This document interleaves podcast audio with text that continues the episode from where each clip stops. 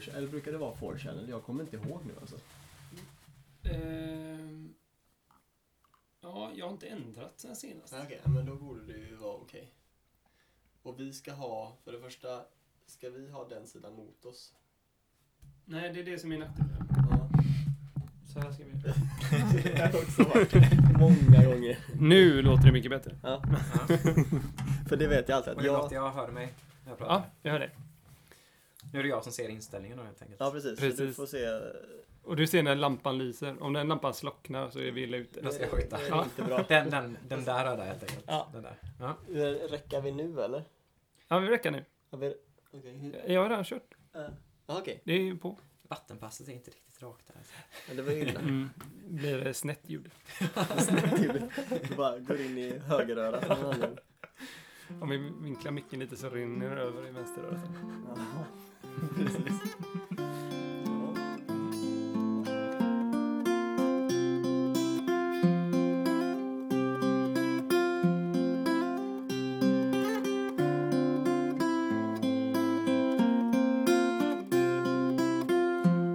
Ja, men eh, välkommen till Solcellspodden. Tack så mycket. Mm. Vi har en eh, gäst idag. Ja, Ja. han började med att han försökte ställa ner kaffekoppen, man vågar inte för det låter. Förstör ljudinspelningen. Ja, precis. Mm. Fabian Fogelberg. Stämmer bra. Och vi uttalar det Fogelberg. Det gör jag. Eh, en eh, före detta studentkollega till oss. Mm. En kollega. Ja, precis. Ja, nu- kandidatutbildningen de första tre åren tillsammans. Precis. Nu bara kompis. Ja, precis. precis. Inget annat än kompis numera. Nej. Ja, vi har kämpat tillsammans i tre rätt mycket under våra år. Verkligen. Ja. Det, har, det har blivit många så här, svettiga kvällar och mycket, mycket sitta i biblioteket kanske. Jag vet inte. Eller mycket Ja, mycket i... Har vi suttit Datasalar mest. Datasalar. Datasalar. Det, det hade varit Ja. svettigt och Mm. varmt Mm. på datasalarna. Och vi har gjort mattlabbat och vi har räknat på diverse konstiga kurser. Nödvändigt och onödvändigt. Ja, Ja. precis. Framförallt. Ja. Utbytt mycket uppgifter. ja. Ja. Eh, men du är klar nu. Mm. Mm. Civilingenjör. ja. Känns väldigt, väldigt gött. Ja. Det... Man tror inte att den dagen kommer när man börjar på Chalmers. Nej. Man tänker framförallt inte på att det någon gång kommer att ta slut. Och sen är plötsligt så, ja, bara gjorde man den sista grejen man skulle göra. Så går man därifrån och så är det Mm. klart. Är livet annorlunda? Inte än, eftersom jag inte har börjat jobba ännu. Men... Men du sa förut lite grann, en tomhetskänsla lite. Ja, men när man går ifrån skolan och vet att ja, men det här är sista gången jag gör något relaterat till skolan eller till utbildningen här. Det är lite konstig känsla. Det är, det är nästan bättre att sluta gymnasiet när man bara får hoppa på ett flak och åka iväg och Mm. verkligen fira. Här var det mer bara, hopp, nu var det klart. Man är lite ensam om det. Eller Ja, inte, precis, inte, precis. inte nu när du tar eh, examen i alla fall i juni. Nej, nej precis. många det är andra som har ju kvar också. massa kurser och sånt. Och, Det är det. Men det blir liksom lite utdraget i slutet Mm. för liksom lite med examensarbetet så det är lite små grejer man gör och lämnar in och ska man få papper påskrivet ska man hämta saker. Så det är inte så att det, det slutar med storslaget utan det, är liksom, Mm. det slutar med att man går och fixar någon liten grej som man måste göra. Ja. Det är lite, man går och knackar dörr i lite korridorerna. knackat dörr i slutet. Försöka få en kråka, en underskrift någonstans. Precis, det hade kunnat vara lite mer så här storslagen eh, utgång kan man tycka. En riktig fylla. Ja, men är det någon, är det liksom lite oro så här, ha vad ska hända nu? Eller är det mer så här, shit vad spännande liksom? Det är både och. Det, det finns ju jobb att söka och jag har ju sökt och kommit till intervju och sådär så att det Din master har varit, Industrial Ecology just heter det. den. Eh, miljöfokus mest då. Miljöanalys kan man säga. Mm. Ecology-biten, var- eller industrial ecology, kan förklara, kan du, skulle du kunna förklara? Ja, det är också ett svårt för det är väldigt, väldigt brett begrepp. Men det handlar mycket om att, att kolla på system, antingen naturliga system eller tekniska system som vi har gjort. Och sen kolla vad har de här för miljöpåverkan utifrån vissa kriterier som man behöver kolla på ibland. Det kan vara att man kollar på hur mycket energi de drar eller hur mycket koldioxid de släpper ut eller hur mycket bly som läcker ut i vattendragen. Och sen så studerar man det på något lämpligt sätt och sen så ska man försöka komma på hur kan man lösa de här problemen. Och då ska man göra det på ett bra sätt. Och sen i slutändan då har vi lärt oss hur man ska följa upp För det är viktigt i efterhand då att kolla, ja men hur blev det egentligen? Mm. Vad ska vi kolla på och vad ska vi mäta i framtiden? Hur ofta ska vi mäta i framtiden och hur länge och sådär. Så man vet att det faktiskt blev bättre. Så det inte bara är att snacka helt enkelt.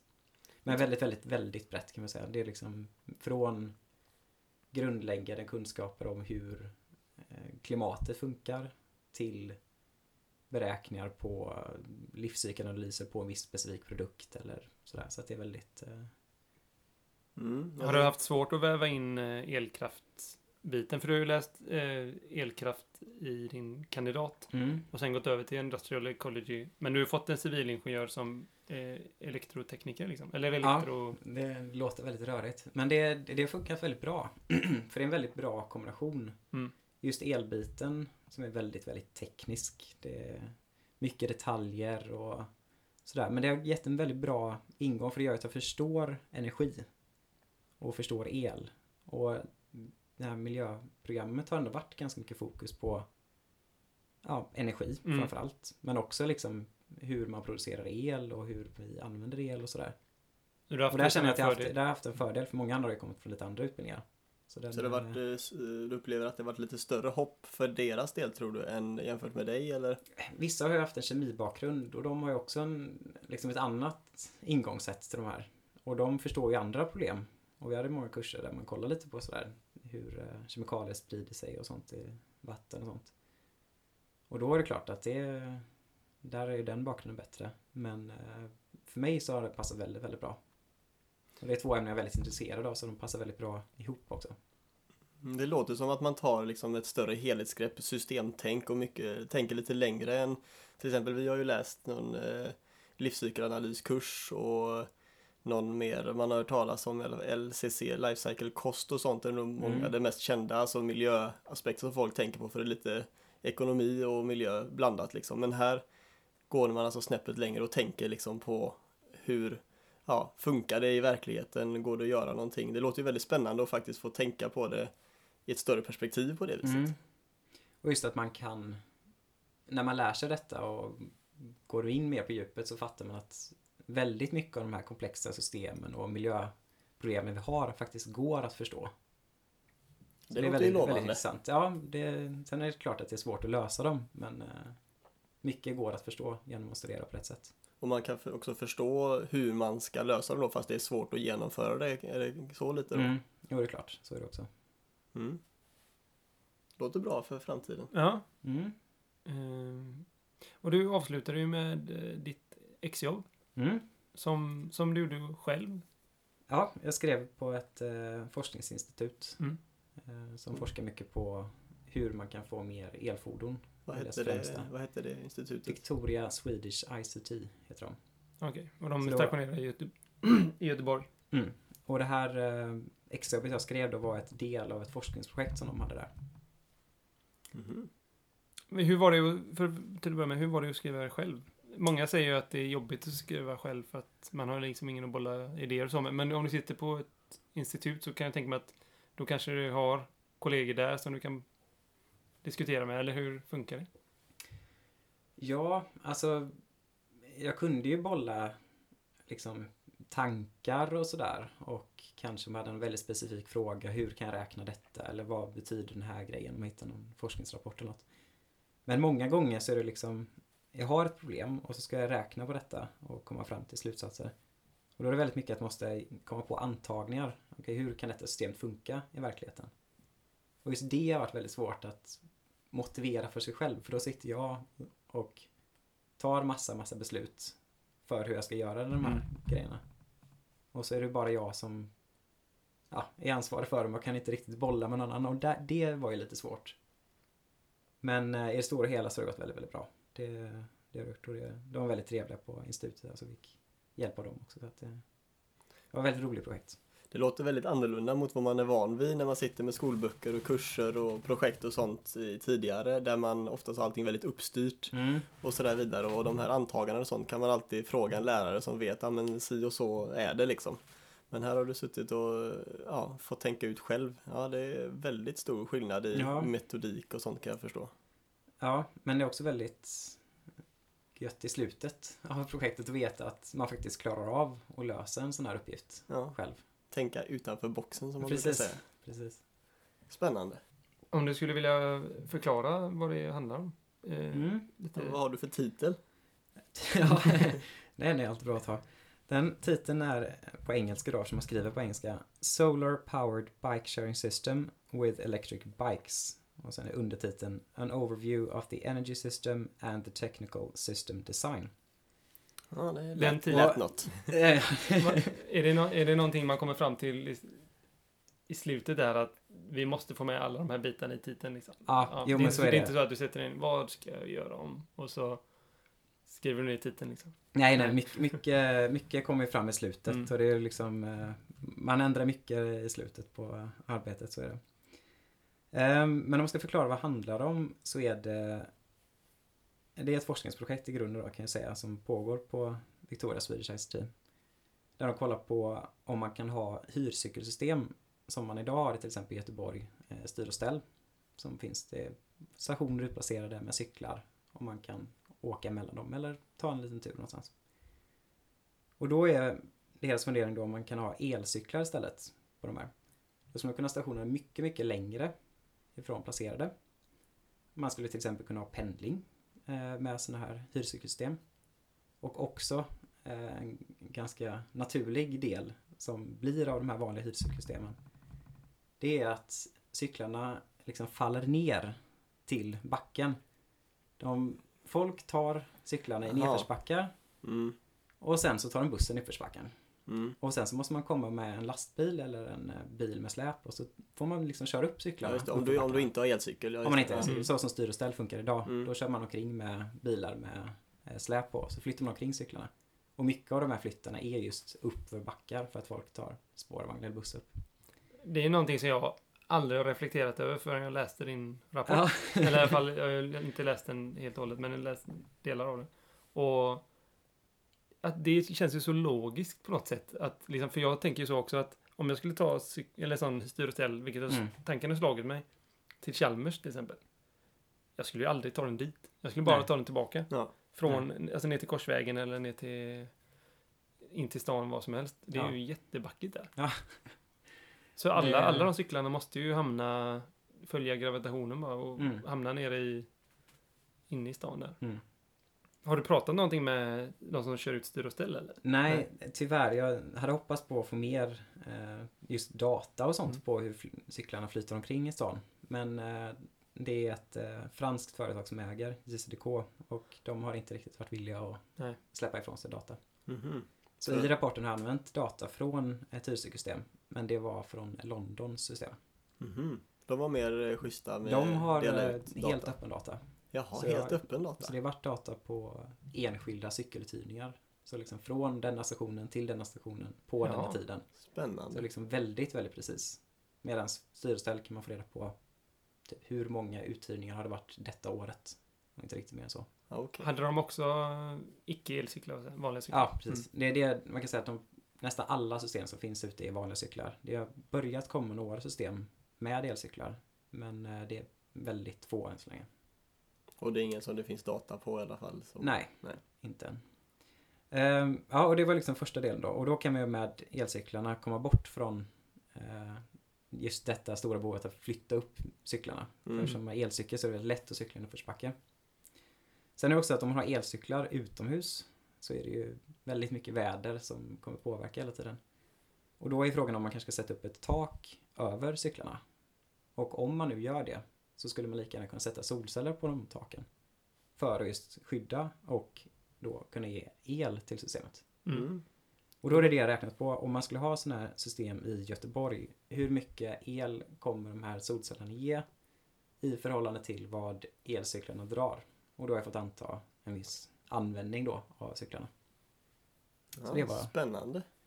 Det här med, med solceller är ju alltid spännande. Ja. Det tycker vi om här i Solcellspodden ju. Förståeligt. Ja. Jaha, och eh, du kom fram till att det skulle funka någorlunda då eller? Det, jag kom fram till att det faktiskt skulle funka väldigt bra. Ehm, under en kvadratmeter solceller krävs per elcykel. För att det ska gå plus minus noll ungefär på ett år. Mhm. Men eh, vad jag i mina antagningar så får det plats ja, ungefär 4 kvadratmeter eh, solcell per elcykel. Mm. Utan att man behöver öka arean som man tar upp på en station. För den är väldigt begränsad. Man vill ju såklart inte behöva köpa mer mark inne i stan för det är väldigt dyrt. Nej, precis. Men, då hur- har man ändå en marginal som man kan ändå öka och då kan man faktiskt få ett en tillskott till elnätet av Så, så solenergi. du kopplar in det på Även om man elnätet. använder elcyklarna hela tiden. Så det är väldigt intressant. Mm. Skulle, eh, skulle de här stationerna bli större eller mindre? Alltså skulle, de vara, skulle, man, skulle man ha fler cyklar i ett sånt här system än vad man skulle ha ett vanligt? Eller färre? Eller skulle... Det beror ju helt på, och hållet på användningen av systemet. Ehm, Så det är en fråga om hur mycket man är villig att investera för det första. Eh, Det beror också på ja, vilken prissättning man har, vart man placerar stationerna. Så det är en, liksom en, en fråga för framtiden hur, man, eh, hur mycket cyklar man har och vart man placerar stationerna. För det är också väldigt viktigt. Mm. Men sen skulle man få någon typ av återbäring också? De som, alltså kommunen eller staden eller de som sätter upp cyklarna? Mm. Eh, om man har ett grid connected, eh, alltså att, att du är uppkop uppkopplad till nätet, eller Mm. till elnätet så att säga. Så att du kan mata ut el på nätet då. Mm. Jo men det är det, för det kollar jag också på då möjligheten att antingen vara kopplad till elnätet eller att inte vara kopplad till elnätet. Det finns fördelar med att inte vara kopplad till elnätet också. För då skulle man kunna ha cykelstationer som man placerar ut. Till exempel eh, under ett sportevenemang så ställer vi, vi ställer dit två stationer för vi vet att det kommer röra sig mycket folk där. Och då behöver man inte koppla, man behöver inte dra några ledningar i backen eller någonting. Man behöver bara ställa stationen där. Men det är ju inte jättebra ur synpunkt att det finns väldigt många soliga dagar. Och i de här dagarna så kommer vi ha väldigt mycket sol. Som vi inte kommer kunna ta tillvara på. Och då är det bättre att då koppla till elnätet så vi kan faktiskt mata ut den och ta tillvara på den energin. Och sen har du kollat på också med stationärt batteri vet jag. när Du Mm. kollade i rapporten och där kommer det ytterligare ett alternativ då in. Förstår jag. Ja, lite hybridlösning då är att man skulle kunna ha ett stationärt batteri på eh, liksom fast vid stationen också. Och då kunna mellanlagra solelen eh, i det batteriet. Och då kan man minska elnätets användning. För det är ofta en, kan man säga, en sak som folk påpekar när man pratar om solenergi att nej, det producerar bara på dagen och, Mm. och att det belastar elnätet så mycket. Men då skulle man kunna komma ifrån det lite eh, genom att man använder batteriet som en buffer och kan ta och ge av. Och då får man ett system som är ganska självförsörjande. Sen är det klart att under, vill man att det ska funka i mitten av december så kommer man behöva ta el från nätet. Och i mitten av juni på sommaren så är det klart att man ändå matar ut elnätet. Men man kan ändå liksom minska de här eh, topparna och dalarna lite. Mm. Behöver man jag såg det fanns några grafer och sånt i den här eh, rapporten. Men, många grafer. ja, det var många grafer där i rapporten. Men alltså behöver man liksom ett stort batteri för att kunna göra det, alltså för att det ska hjälpa liksom den här att skapa dalar och toppar liksom. Så skulle de kunna köra ett, eh, ett oberoende system med ett batteri stationärt som man slipper koppla till nätet liksom. Och det funkar någorlunda. Det skulle gå.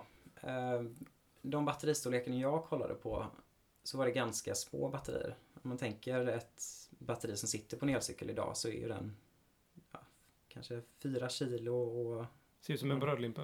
ser ut som en brödlimpa. Det är ganska Ja, det bra. en bra Det är ganska bra storlek på den ja. Mm. Eh, och jag kollar på ungefär så stora batterier eh, fast stationärt baserade. Så ungefär så, lika många, lika mycket batteri man har på cyklarna har man totalt på stationen också. Jaha. Mm, det Ungefär var ett så bra riktmärke. Ehm, Men sen är det också så att den tekniken man har på cyklarna är ofta litiumjonbatterier. Ganska dyra batterier. Men har man en stationär tillämpning så gör det ingenting om man har ett litet skåp som är dubbelt så stort eller Mm. kanske inte ens så mycket. Och tungt. Gör Och tungt heller. gör ingenting heller så då skulle man lika gärna kunna köpa billigare batterier. Och då är det ännu mindre problem att börja med en sån här eh, anläggning. Men gör man det och inte har kopplat till elnätet då, som du sa Marcus, då skulle man ju kunna ha ett system som funkar största delen av året, men inte vintermånaderna. Sen är frågan, hur mycket vill folk cykla under vintermånaderna? För idag, om man tänker Göteborg så, så de har ju bara en säsong från, var det mars till, eller sånt, eller? Ja, nu, nu har Sydöstel faktiskt sagt att de ska ha det framme till eh, 31 december. Sen får vi se om det Jaha. verkligen blir så. Men Okej. de har sagt att de ska ha det. Men tidigare har de haft någon säsong. Ja, tidigare har de Ja. haft liksom från jag vet inte, den första mars till eh, sista oktober eller någonting, Ja. eller november. Så en eh, paus då under vinterhalvåret. Det är väl att de får sätta på dubbdäck då. Ja, precis. Ja, Det, Det blir nästa steg. Men var det så att du kunde se någonting i datan eh, på den här London-statistiken att eh, det gick ner på vintertid eller hur folk betedde sig med cyklandet då? Nej, det kunde jag egentligen inte se för att jag hade, jag hade inte data från ett helt år utan det var i princip tre månaders data jag hade. Och det jag var ute efter var inte att kolla på hur det ändrades över året utan det var mer, eh, mer grundläggande. Jag gjorde inte så djup analys. För det var väldigt stor data och det är ett system som faktiskt inte finns som jag konstruerar. Eh, och då gick jag in i datorn och kollade istället hur används cyklarna över dagen? Så hur mycket en vardag när används cyklarna som mest och hur är fördelningen över dagen helt enkelt. Ehm, Men jag kunde se att det var väldigt stor skillnad mellan vardagar och helger. Mhm. Just för att folk använder till vardags så tar de cykeln till och från jobbet så då är det liksom pikar kring åtta och kring fyra när folk åker till och från. Medan på helgerna så använder folk mer för att kanske ta en liten söndagstur och då är det mer att det är lite jämnt fördelat över dagen men kring tre så är mest folk ute och cyklar. Så söndagarna är egentligen mest korrelation med solens gång då? Ja, det, det kan man ju säga. Ja, Men, eh, och det är också ganska, på vardagarna är det då ändå ganska stort. Det är ju liksom på Mm. dagen som flest är ute och rör sig. Så det blir ganska naturligt. ja.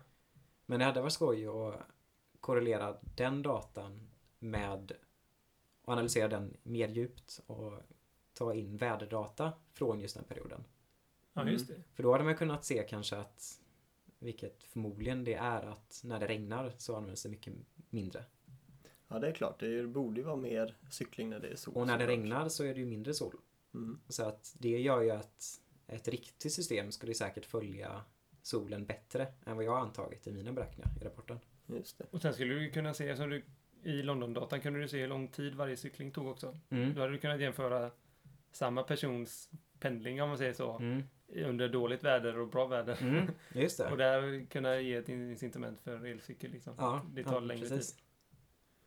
Ja. För det är ju det är ju ändå väldigt viktigt att man sparar tid på cyklingen. Mm.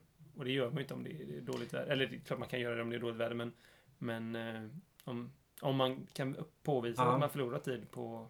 Man kan ju säga att för elcyklar i, eh, i EU och Sverige eh, får gå i 25 km i timmen med eldrift. Och de här hyrcykelsystemen som finns, de, medelhastigheten på dem är typ 11 km i timmen. Så det hade ju kunnat gå att kanske få upp hastigheten lite. Mm. Men sen är det ju stadstrafik så det är klart att man måste cykla långsammare. Sen är frågan att man kanske till och med måste begränsa hastigheten på cyklarna. För att om folk inte är vana vid elcyklar, om man har ett sånt här hyrcykelsystem med elcyklar, då kan det ju vara så att det kan bli lite farligt om folk kan köra i 25 km i timmen mitt i stan. För det är ganska fort. Eh, Mm. Speciellt om man eh, behöver stanna väldigt tvärt så är det väldigt hög hastighet. Och speciellt om man inte är van vid det också. Alltså just Ja. att om man sitter på en cykel så känner man ofta kanske att man har kontroll och sådär. Men helt plötsligt så driver den av sig själv och det tror jag många kan. Ja, Jag har aldrig provat. Du hade ju provcyklat. Ja, jag har ju provat en där nere i Tyskland. Och den, men den gick ju i 45. och, så att jag vet inte huruvida den var laglig. vad de har för regler där nere. Men, men, men du sa ju, jag hade skrivit i arbetet där att i USA så kunde man ju ha 750 watts motor va, och köra 32, ja 32 kilometer km i timmen. Utan att behöva Utan trampa. att trampa, så det är Oj. liksom i princip en moppe Ja. som får gå som cykel där. Och här är det att det är 25 km i timmen, men du måste trampa. Mm. Sen är det klart, du kan ju cykla i 30 km i timmen, men då får du ingen hjälp av elmotorn. Och eh, den du pratar om då, 45 km i timmen, då, eh, det får man ha i Sverige också. Men då måste du registrera den som en moppe. Jaha. Och då måste du ha försäkring. Och då, ja, det blir liksom andra regler kring det. Men är det olika regler beroende på om man har... eh, För att som cyklist så är det ofta väldigt svårt att definiera sig som traf trafikant i trafiken eller som om man ska cykla på cykelbana och så här. Ehm, i- där måste ju hastigheten spela roll liksom. Du kan inte Mm. blåsa fram i 35 på cykelbanan kan jag tänka. Eller? Nej, nej alltså det är 25 då som är på Ah, ja. elcyklar. Mm. Men, eh, men den är ju, enligt lagen så är det ju en cykel. Mm. Eh, Så det är ju exakt samma regler som för cyklar. Ja. Du behöver inte ha någon försäkring på det. Du, eh, ja, det är liksom inga begränsningar utöver själva de tekniska på själva cykeln. Sen är det klart att det är ju en, en eh, det är ju farligare än en vanlig cykel. Eller det kan vara farligare beroende på hur du kör då såklart. Så det krävs ju säkert att man eh, tänker efter lite mer. Mm. Just Alltså- efter bromssträckan blir det betydligt längre i 25 km i timmen än i 20 Mm. till exempel. Vi pratade ju om det lite tidigare innan podden här om Mm. att eh, just när man stannar eller ska runt ett krön eller något sånt där och man har råkar, råkar lägga lite tyngd på pedalen i det läget när man ska svänga runt eller göra 90 graders sväng sådär. Då blir man ju ganska förvånad kanske om man inte riktigt tänker på det att den sticker iväg som bara den precis i den rörelsen där. Ja, så det är, jag tror att om man eh, om man är ny på elcykel så får man nog tänka till lite. Och det, Har du själv provat? Eller ja, jag har provat elcyklar. Mm. Eh, Det har jag gjort lite olika. Och eh, just den känslan när man cyklar väldigt långsamt är lite läskig för att man är ju van att när man trampar lite lätt för att liksom parera så att man håller balansen så ska man få den kraften man är van vid. Men sen så trycker den på med elmotorn och då är balansen är liksom inte inställd på att få hjälp av elmotorn. Men det är inga problem liksom på raksträckor och sådär men det är just på Det är en vanesak. det är nog en vanesak tror jag. Och veta just när den elmotorn kickar in. Det är nog också bra att lära sig på en cykel då. För det pratar vi också om att det finns olika tekniker med det där huruvida när elmotorn drar igång. Alltså om den, om den använder, när du trycker på trampan att den ger dig extra kick så att säga. Eller om det är så att den bara bryr sig om att tramporna snurrar och vid en viss Mm. hastighet som du snurrar tramporna så drar den igång. Vilket måste vara lite svårare att hantera antar jag. Ja, så man kan säga att de billigare eh, elcyklarna som finns på marknaden idag, de kollar bara, snurrar pedalerna, ja, okej, då kickar vi in motorn och så bam, så kör den i. Och då blir det lite mer som en, eh, lite mer som att man trycker på gasen på bilen. Det är liksom Mm. inte riktigt så naturligt när man cyklar. Men sen de dyrare har en kraftsensor i sig. Och då känner den, ja du lägger på det här trycket och sen så lägger den på proportionerligt. Beroende då på vad man ställer in cykeln, om man ska ha in mycket eller lite extra kraft. Och då blir det liksom mer som att man ja, har väldigt mycket starkare muskler istället. Så det blir mer, mer naturlig cykling med en sån cykel. Sådana grejer är det bra att veta om man står där och ska köpa en elcykel. Ja, Alltså, för att man har ingen aning. Man tänker, jaha, en cykel som trycker på Mm. lite extra. Men om man cyklar de två olika sorterna så känner man Mm. väldigt tydligt Mm. vilken sort det är. Men sen är det ju så att de kostar ju mer också. Så det är ju de dyra segmentet. Så då är det nog mer 15 000 plus på de Ja. cyklarna. Det är lite mer reglerteknik och styrning som behövs då för den här tekniken som gör Ja. att det kostar då. Ja, antar jag. precis. Mm. Intressant. En annan fråga som eh, jag läste i arbetet här det var Mm. att eh, du skrev att det var ganska låg användning av alltså elcyklar, alltså en elcykel, en cykel användes ganska lite per dag i Göteborg jämfört med andra städer. Alltså om vi bara tar cyklar nu. Ja, så om jag kollar bara på styr och ställ. Eh, den, nu har det väldigt dålig data jag lyckats få fram därifrån. Men den datan jag väl hittade så låg Göteborg på drygt eh, en användning per cykel och dag. Det är ju ganska 1,3. lågt alltså. Ja, det, detta var från 2000, eh, nu ska jag, 2012 tror jag den datorn var ifrån. Så det kan ju ändras de senaste åren. Men det är ändå jämfört med Barcelona som är högst i världen. De ligger på kring 11 användningar per cykel och dag. För det är ändå väldigt billigt alltså, och jag- i Göteborg. Göteborg är väldigt, väldigt Ja. billigt. Om man går över till Barcelona. De har eh, behövt höjt priserna för att de har så många som vill använda det. De har behövt eh, begränsa. De har fått inte längre bli medlem. Och, eh, så de har behövt ändra systemet väldigt mycket för det är så populärt då. Men eh, det är ju väldigt stor, eh, alltså beroende på hur mycket det används så kan man ju fråga sig om det är värt att ha ett sånt system eller inte. Kommer man kring en användning per cykel och dag, då är det ju i princip som att folk har egna cyklar. Då blir Mm. det inte en delad cykel. Nej. Utan du måste ju få upp användningen. Och London, deras system har blivit kritiserat för att vara lite använt. Eh, och de har tre eh, cykelanvändningar per dag då. Så det är, det är klart, det måste man arbeta upp. Vad, kan du se någonting av vad Barcelona har gjort då? Alltså jämfört med, eller det att de har funnits länge och att folk har insett att det finns eller vet du liksom? Det är nog också någon- en kombination av Nu kan, har inte jag läst in mig på det då. Nej. Men det är såklart en kombination av vart man placerar stationerna, hur billigt det är att bli medlem eller använda cyklarna. Och sen också på andra sidan, vad är alternativet? I Barcelona kanske man inte vill ta bil in i stan. Eller så kommer bussarna sent. Så det är också frågan, vad är alternativet för eh, folket som bor där då? Det är klart, det spelar ju självklart in. Ja.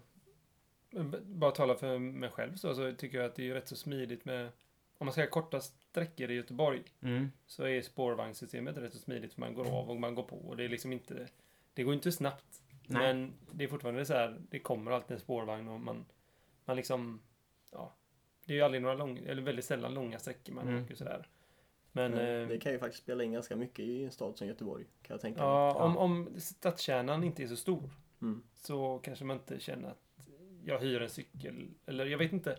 Det kanske är tvärtom att man om det är korta sträckor att man- och det är väldigt tätt med cykelstationer, det är klart att jag kan jag tar en cykel här och ställer den där borta. Mm. inte så noga. Men eh, det är ändå lite så här man ska ha man kanske vill ha hjälm med sig, man kanske vill ja, det kanske ändå är ett, ett en litet tidsmoment att hyra cykeln och ställa den cykeln och så här.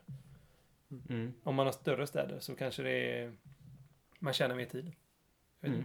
det tar ju till exempel lång tid att gå ner i en tunnelbana. Till Ja. exempel. Ja. Komma ner till en station tar ofta ganska lång tid. Men systemdesignen med alla de här parametrarna du var tvungna att ta med med luftmotstånd och sådana saker. Det, var det en svår beräkning att få till det? För det är många parametrar liksom. Ja, så om man kan ta från början så tog London-datan använde jag då för att kolla hur cykeln används över en dag. Sen så skalade jag om den, eh, provade lite olika parametrar men för det mesta så använde jag Barcelonas höga användning och då kunde jag få- en ganska bra säkerhetsmarginal då om det är verkligheten Skapa ett värsta scenario så att I säga. princip, skapa ett värsta scenario.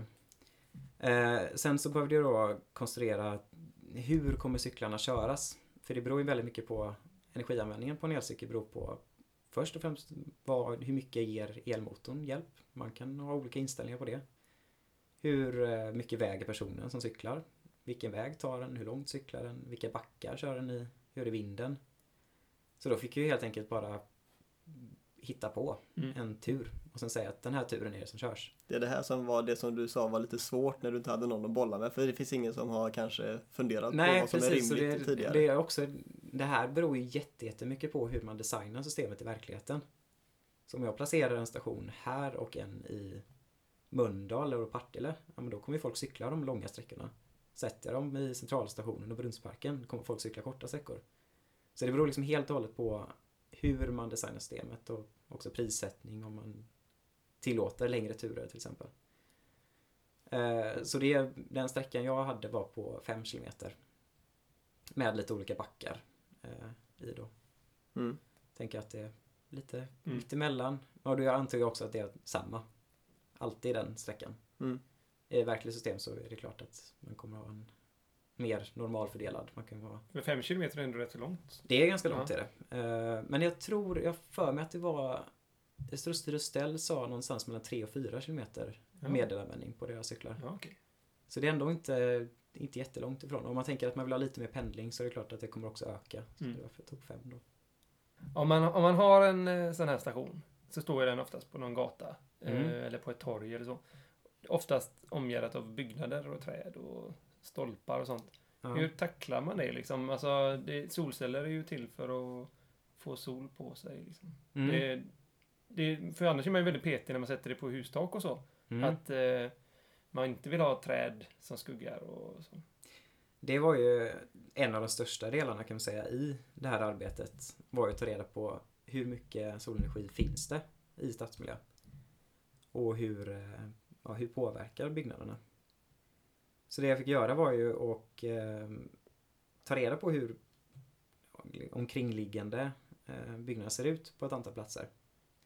Det varieras ju såklart vart man är i stan. Så jag tog fyra olika platser eh, där jag tänkte att här skulle det kunna vara stationer om man började bygga upp ett sånt här system.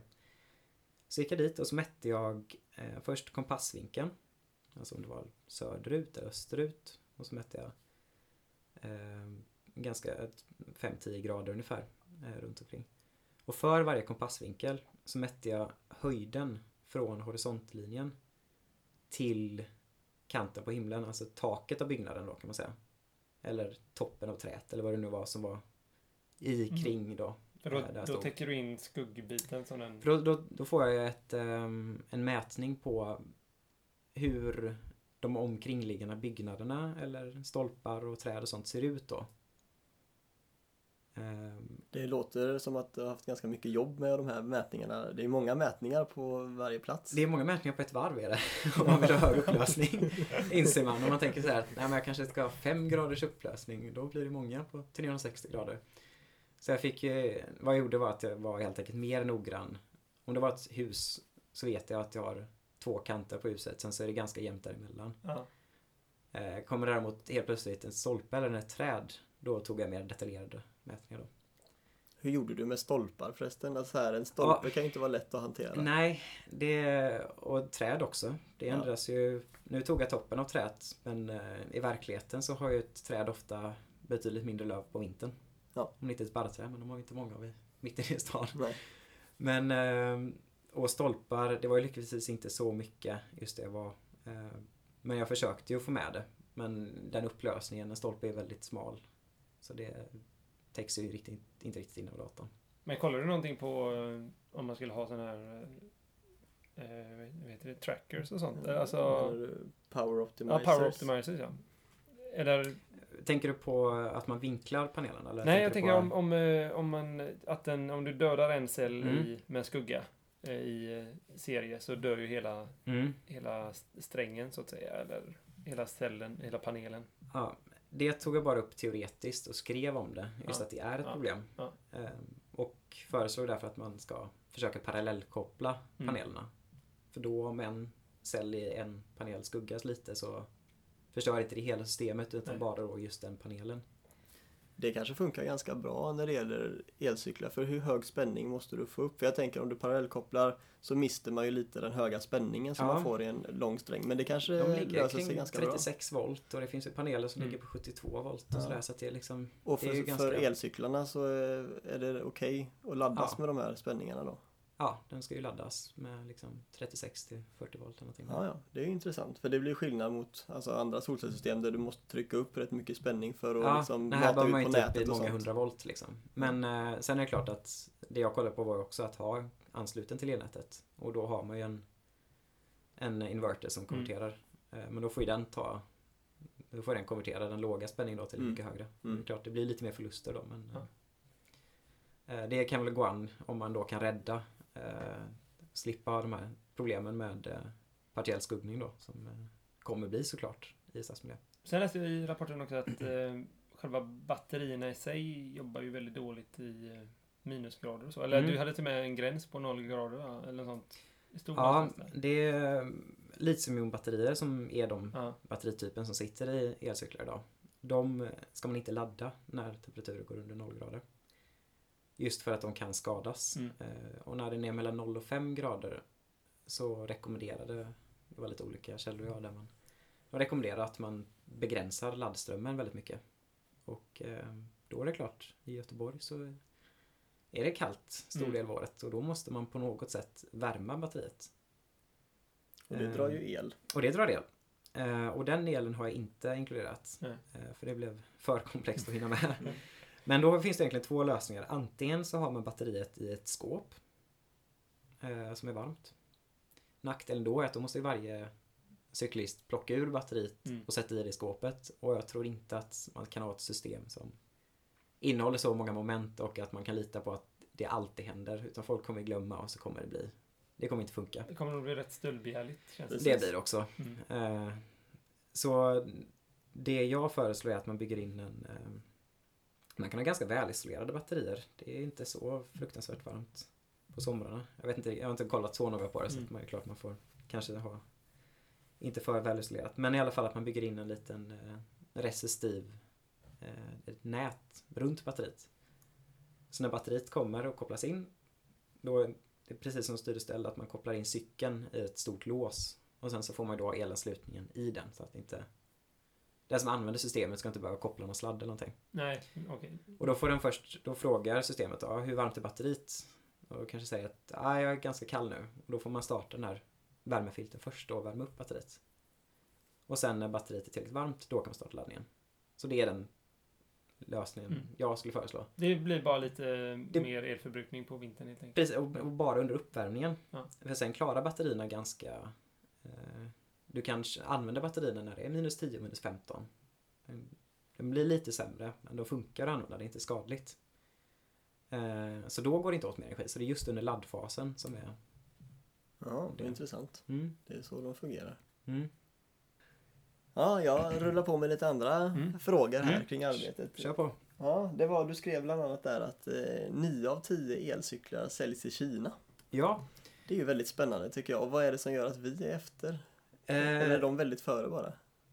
det är flera saker. Ehm, I vissa städer, jag tror det är Shanghai, så har man till exempel förbjudit ehm, mopeder kan man säga, som drivs av fossilbränsle.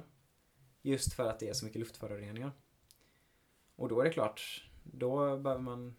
Folk vill fortfarande transportera sig och då går de över till eldrift istället. Sen kan jag säga att elcyklarna som de har där kan man inte likna vid elcyklarna vi har här i Sverige. Okej. För det första så är Kina väldigt priskänsligt. De har det billigaste billigaste, så det är ofta blybatterier på dem. Så de väger 30 kilo någonting. Eh, och de förväntar sig heller inte att grejerna ska hålla. Så de tänker att ja, två år kanske. Så det är en helt annan typ av marknad. Men ändå, de har väldigt mycket elcyklar i Kina. Så det går inte att jämföra. Vad får du betala? Det kanske du inte vet på rak arm. Men alltså vad är priset liksom på en elcykel i Kina då? Det är väl mer runt ett par tusenlappar. Kanske från 1500, 2000 och uppåt. Och här i Sverige Här om du skulle köpa en billig? Ja, allra, allra billigaste kanske ligger på 8 men eh, Mm. runt 12 kanske de medial eller medelpriset ligger ungefär kring där. Vad tror, hur länge tror du en elcykel som man köper här i Sverige ungefär kan tänkas hålla?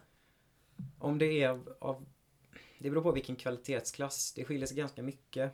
Ehm, de billigare innehåller billigare komponenter. Till exempel att de har plastkugghjul in i motorn och sådär.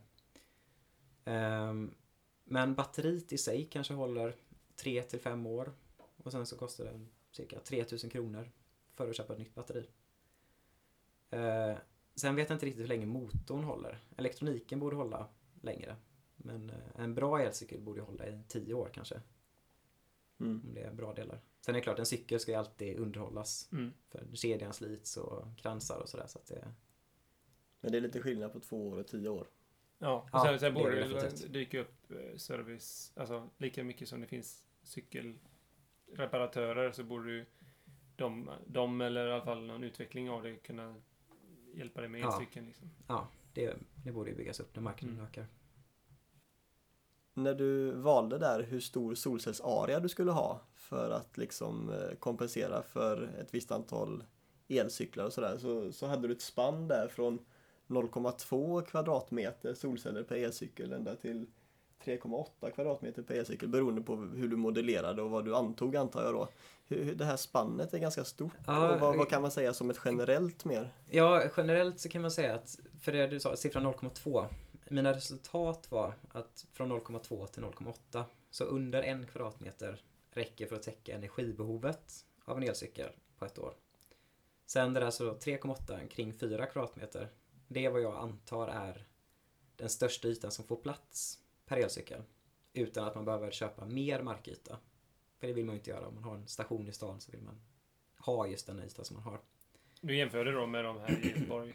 Eller? Jag jämför då dem med styr och ställ då. Ja. Ehm, och tänker att om man, man vill inte heller ha för utstickande. Man vill att det sticker ut tre meter från stationen eller från där cyklarna tar slut. Liksom. Ehm, så det var, det var skillnaden då. Så att kring en kvadratmeter räcker för att täcka energibehovet. Sen så får det plats ungefär fyra. Och då om man går upp till två eller tre kvadratmeter per elcykel. Då har vi ett elöverskott på årsbasis. Så då kan vi mata ut mer el än vad systemet drar. Och det är nästan det mest spännande resultatet tycker jag nog att man kan få folk att gå från spårvagn eller bussar eller bilar och ändå ha ett, ett tillförsel av solel till nätet. Så att vi ändå går plus på detta bytet. Så det tycker jag är väldigt spännande.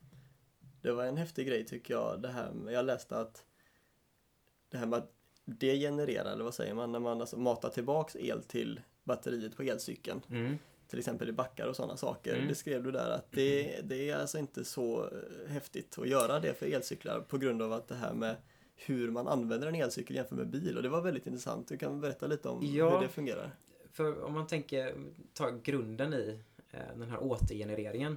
Tanken med det är ju att man istället för att bromsa med mekaniska bromsar så blir det ju värme. Men istället så bromsar man med motorn och då agerar den som generator och så matar man tillbaka el till batteriet. Och den tekniken använder man i hybridbilar.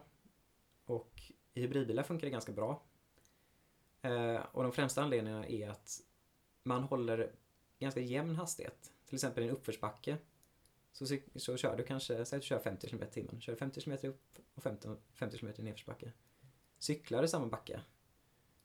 Så kan det hända att du i nedförsbacken så glider du bara. Du vill kanske inte riktigt bli bromsad. Du vill inte köra i 15 km i timmen. Som du nog hade behövt göra om du ska ta ut någon vettig eh, energi. Och då är det istället luftmotståndet som eh, bromsar dig mest. Sen är en annan stor grej är ju det att rörelseenergin är kvadraten på hastigheten. Och en bil som kör 50 km i timmen väger betydligt mer än vad en cyklist på en elcykel gör. Och kör dubbelt så fort så att det blir oerhörda mer mängder energi som man kan ta tillvara på. Jämfört med en elcykel som kanske kör i 25 km i timmen och stannar jämfört med en bil som kör 50 km i timmen och stannar. Så det är väldigt stor skillnad där.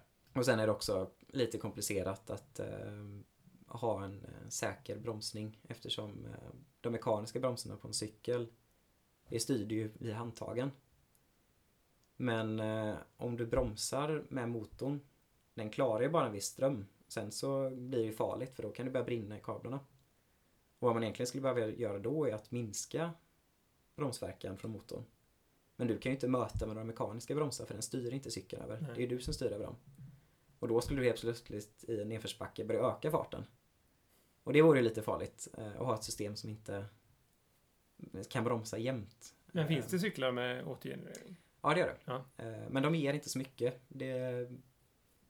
Jag läste till exempel en rapport. De hade gjort eh, datasimuleringar då på det. Och sen eh, mätte verkligheten. Och de kom till ungefär 1% eh, tjänar de på att eh, ha återgenerering. Och Mm. 1% längre räckvidd det Mm. är inte så långt. Nej, det är Jämfört inte med en hybridbil faktiskt. får du ungefär 10%. Ibland mer. Så det är väldigt skillnad. Eh, Så därför tror inte jag att det är Det är liksom inte riktigt värt det. Och sen har elcyklar ganska bra räckvidd. Så det är sällan du behöver cykla Det är sällan folk vill cykla så långt Nej.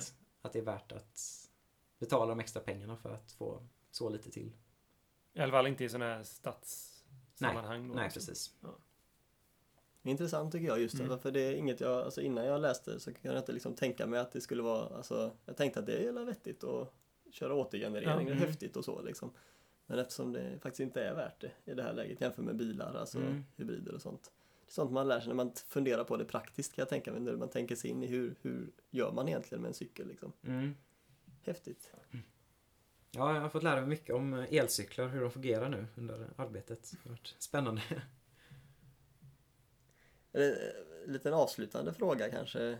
Mm. Det här med, du skrev i ditt abstract, eller vad det här med inledande eh, avsnittet av din rapport att eh, nu vill jag ha en elcykel, avslutade du det hela med. Mm. Det tycker jag var lite trevligt. Och då måste jag ju fråga, vilken, vad är det för elcykel du ska skaffa och varför motiverar du dig själv att faktiskt skaffa en elcykel efter allt det här? Ja, jag kan ju börja berätta med att jag cyklar väldigt mycket. Ja, det kan vi Eh. intyga. Du har ju cyklat eh, i princip varje dag till skolan sen vi började plugga. Ja, och vad många tänker så är ju inte det den typiska elcyklisten kanske. Många tycker att, jag har hört att vissa säger att det är fusk och man Mm. sådär. För det första är det jäkligt roligt. Sen så är det att när man cyklar på elcykel, det blir en, det blir en annan grej. Eh, Och jag vet det själv att skulle jag ha en elcykel så skulle jag jag skulle tänka annorlunda och skulle säkert ta mig mycket längre bort utan problem. Så jag skulle använda den på ett annat sätt. Eh, Men jag kommer nog att, eller jag kommer att bygga min egen eh, elcykel och välja en cykel som jag tycker är lätt. För att det tycker jag är viktigt. När jag har cyklat mycket så känner jag att det är det jag behöver. Ehm, Så jag, förs- jag ska försöka bygga en lätt eh, elcykel. Det är min, min tanke. Det känns som någonting som du skulle, skulle massproducera sen och sälja. precis. ja, men jag känner dig rätt.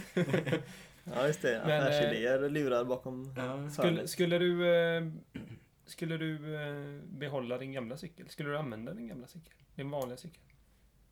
Ehm, det är en bra fråga. Ehm, anledningen till det kan jag säga först också. Anledningen till att jag inte tänker bygga om min gamla cykel är för att den eh, håller på att falla sönder. Jag har cyklat väldigt mycket med den under fyra år. Och den, eh, Ja, i ur och skur. I ur och skur och vinter på och- Chalmers så kommer Fabian Åh vad det regnade, och åh vad jag fryser, kommer in darrandes genom dörren ibland. Men han har frysit så på vägen, på vägen upp också. Ja. Man tänker en backe ändå liksom, men ibland har det varit så kallt så han har fryst sönder ändå. Men jag, jag kan säga att jag fryser faktiskt mindre på cykel än vad jag gör om jag tar spårvagn. För när man cyklar så klär man sig, man klär sig Mm. liksom för att cykla. Tar man spårvagn så man drar på sig en jacka och klär sig inte så bra. Så står man och fryser när man står stilla.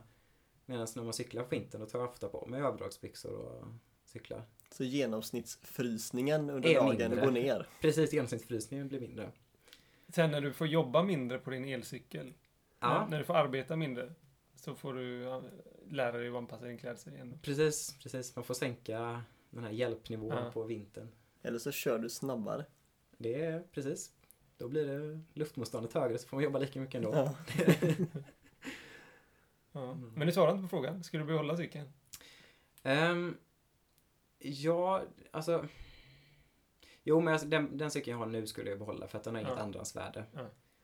Eh, och jag tänker mig att jag skulle kunna använda det om jag, om jag ska in till stan en kväll eller behöver lämna cykeln över en natt någonstans. Det skulle jag aldrig göra med en, eh, en dyr cykel.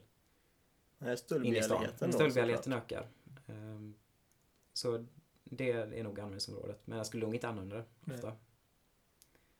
Ehm, så jag hade ju nästan i princip kunnat skrota den då.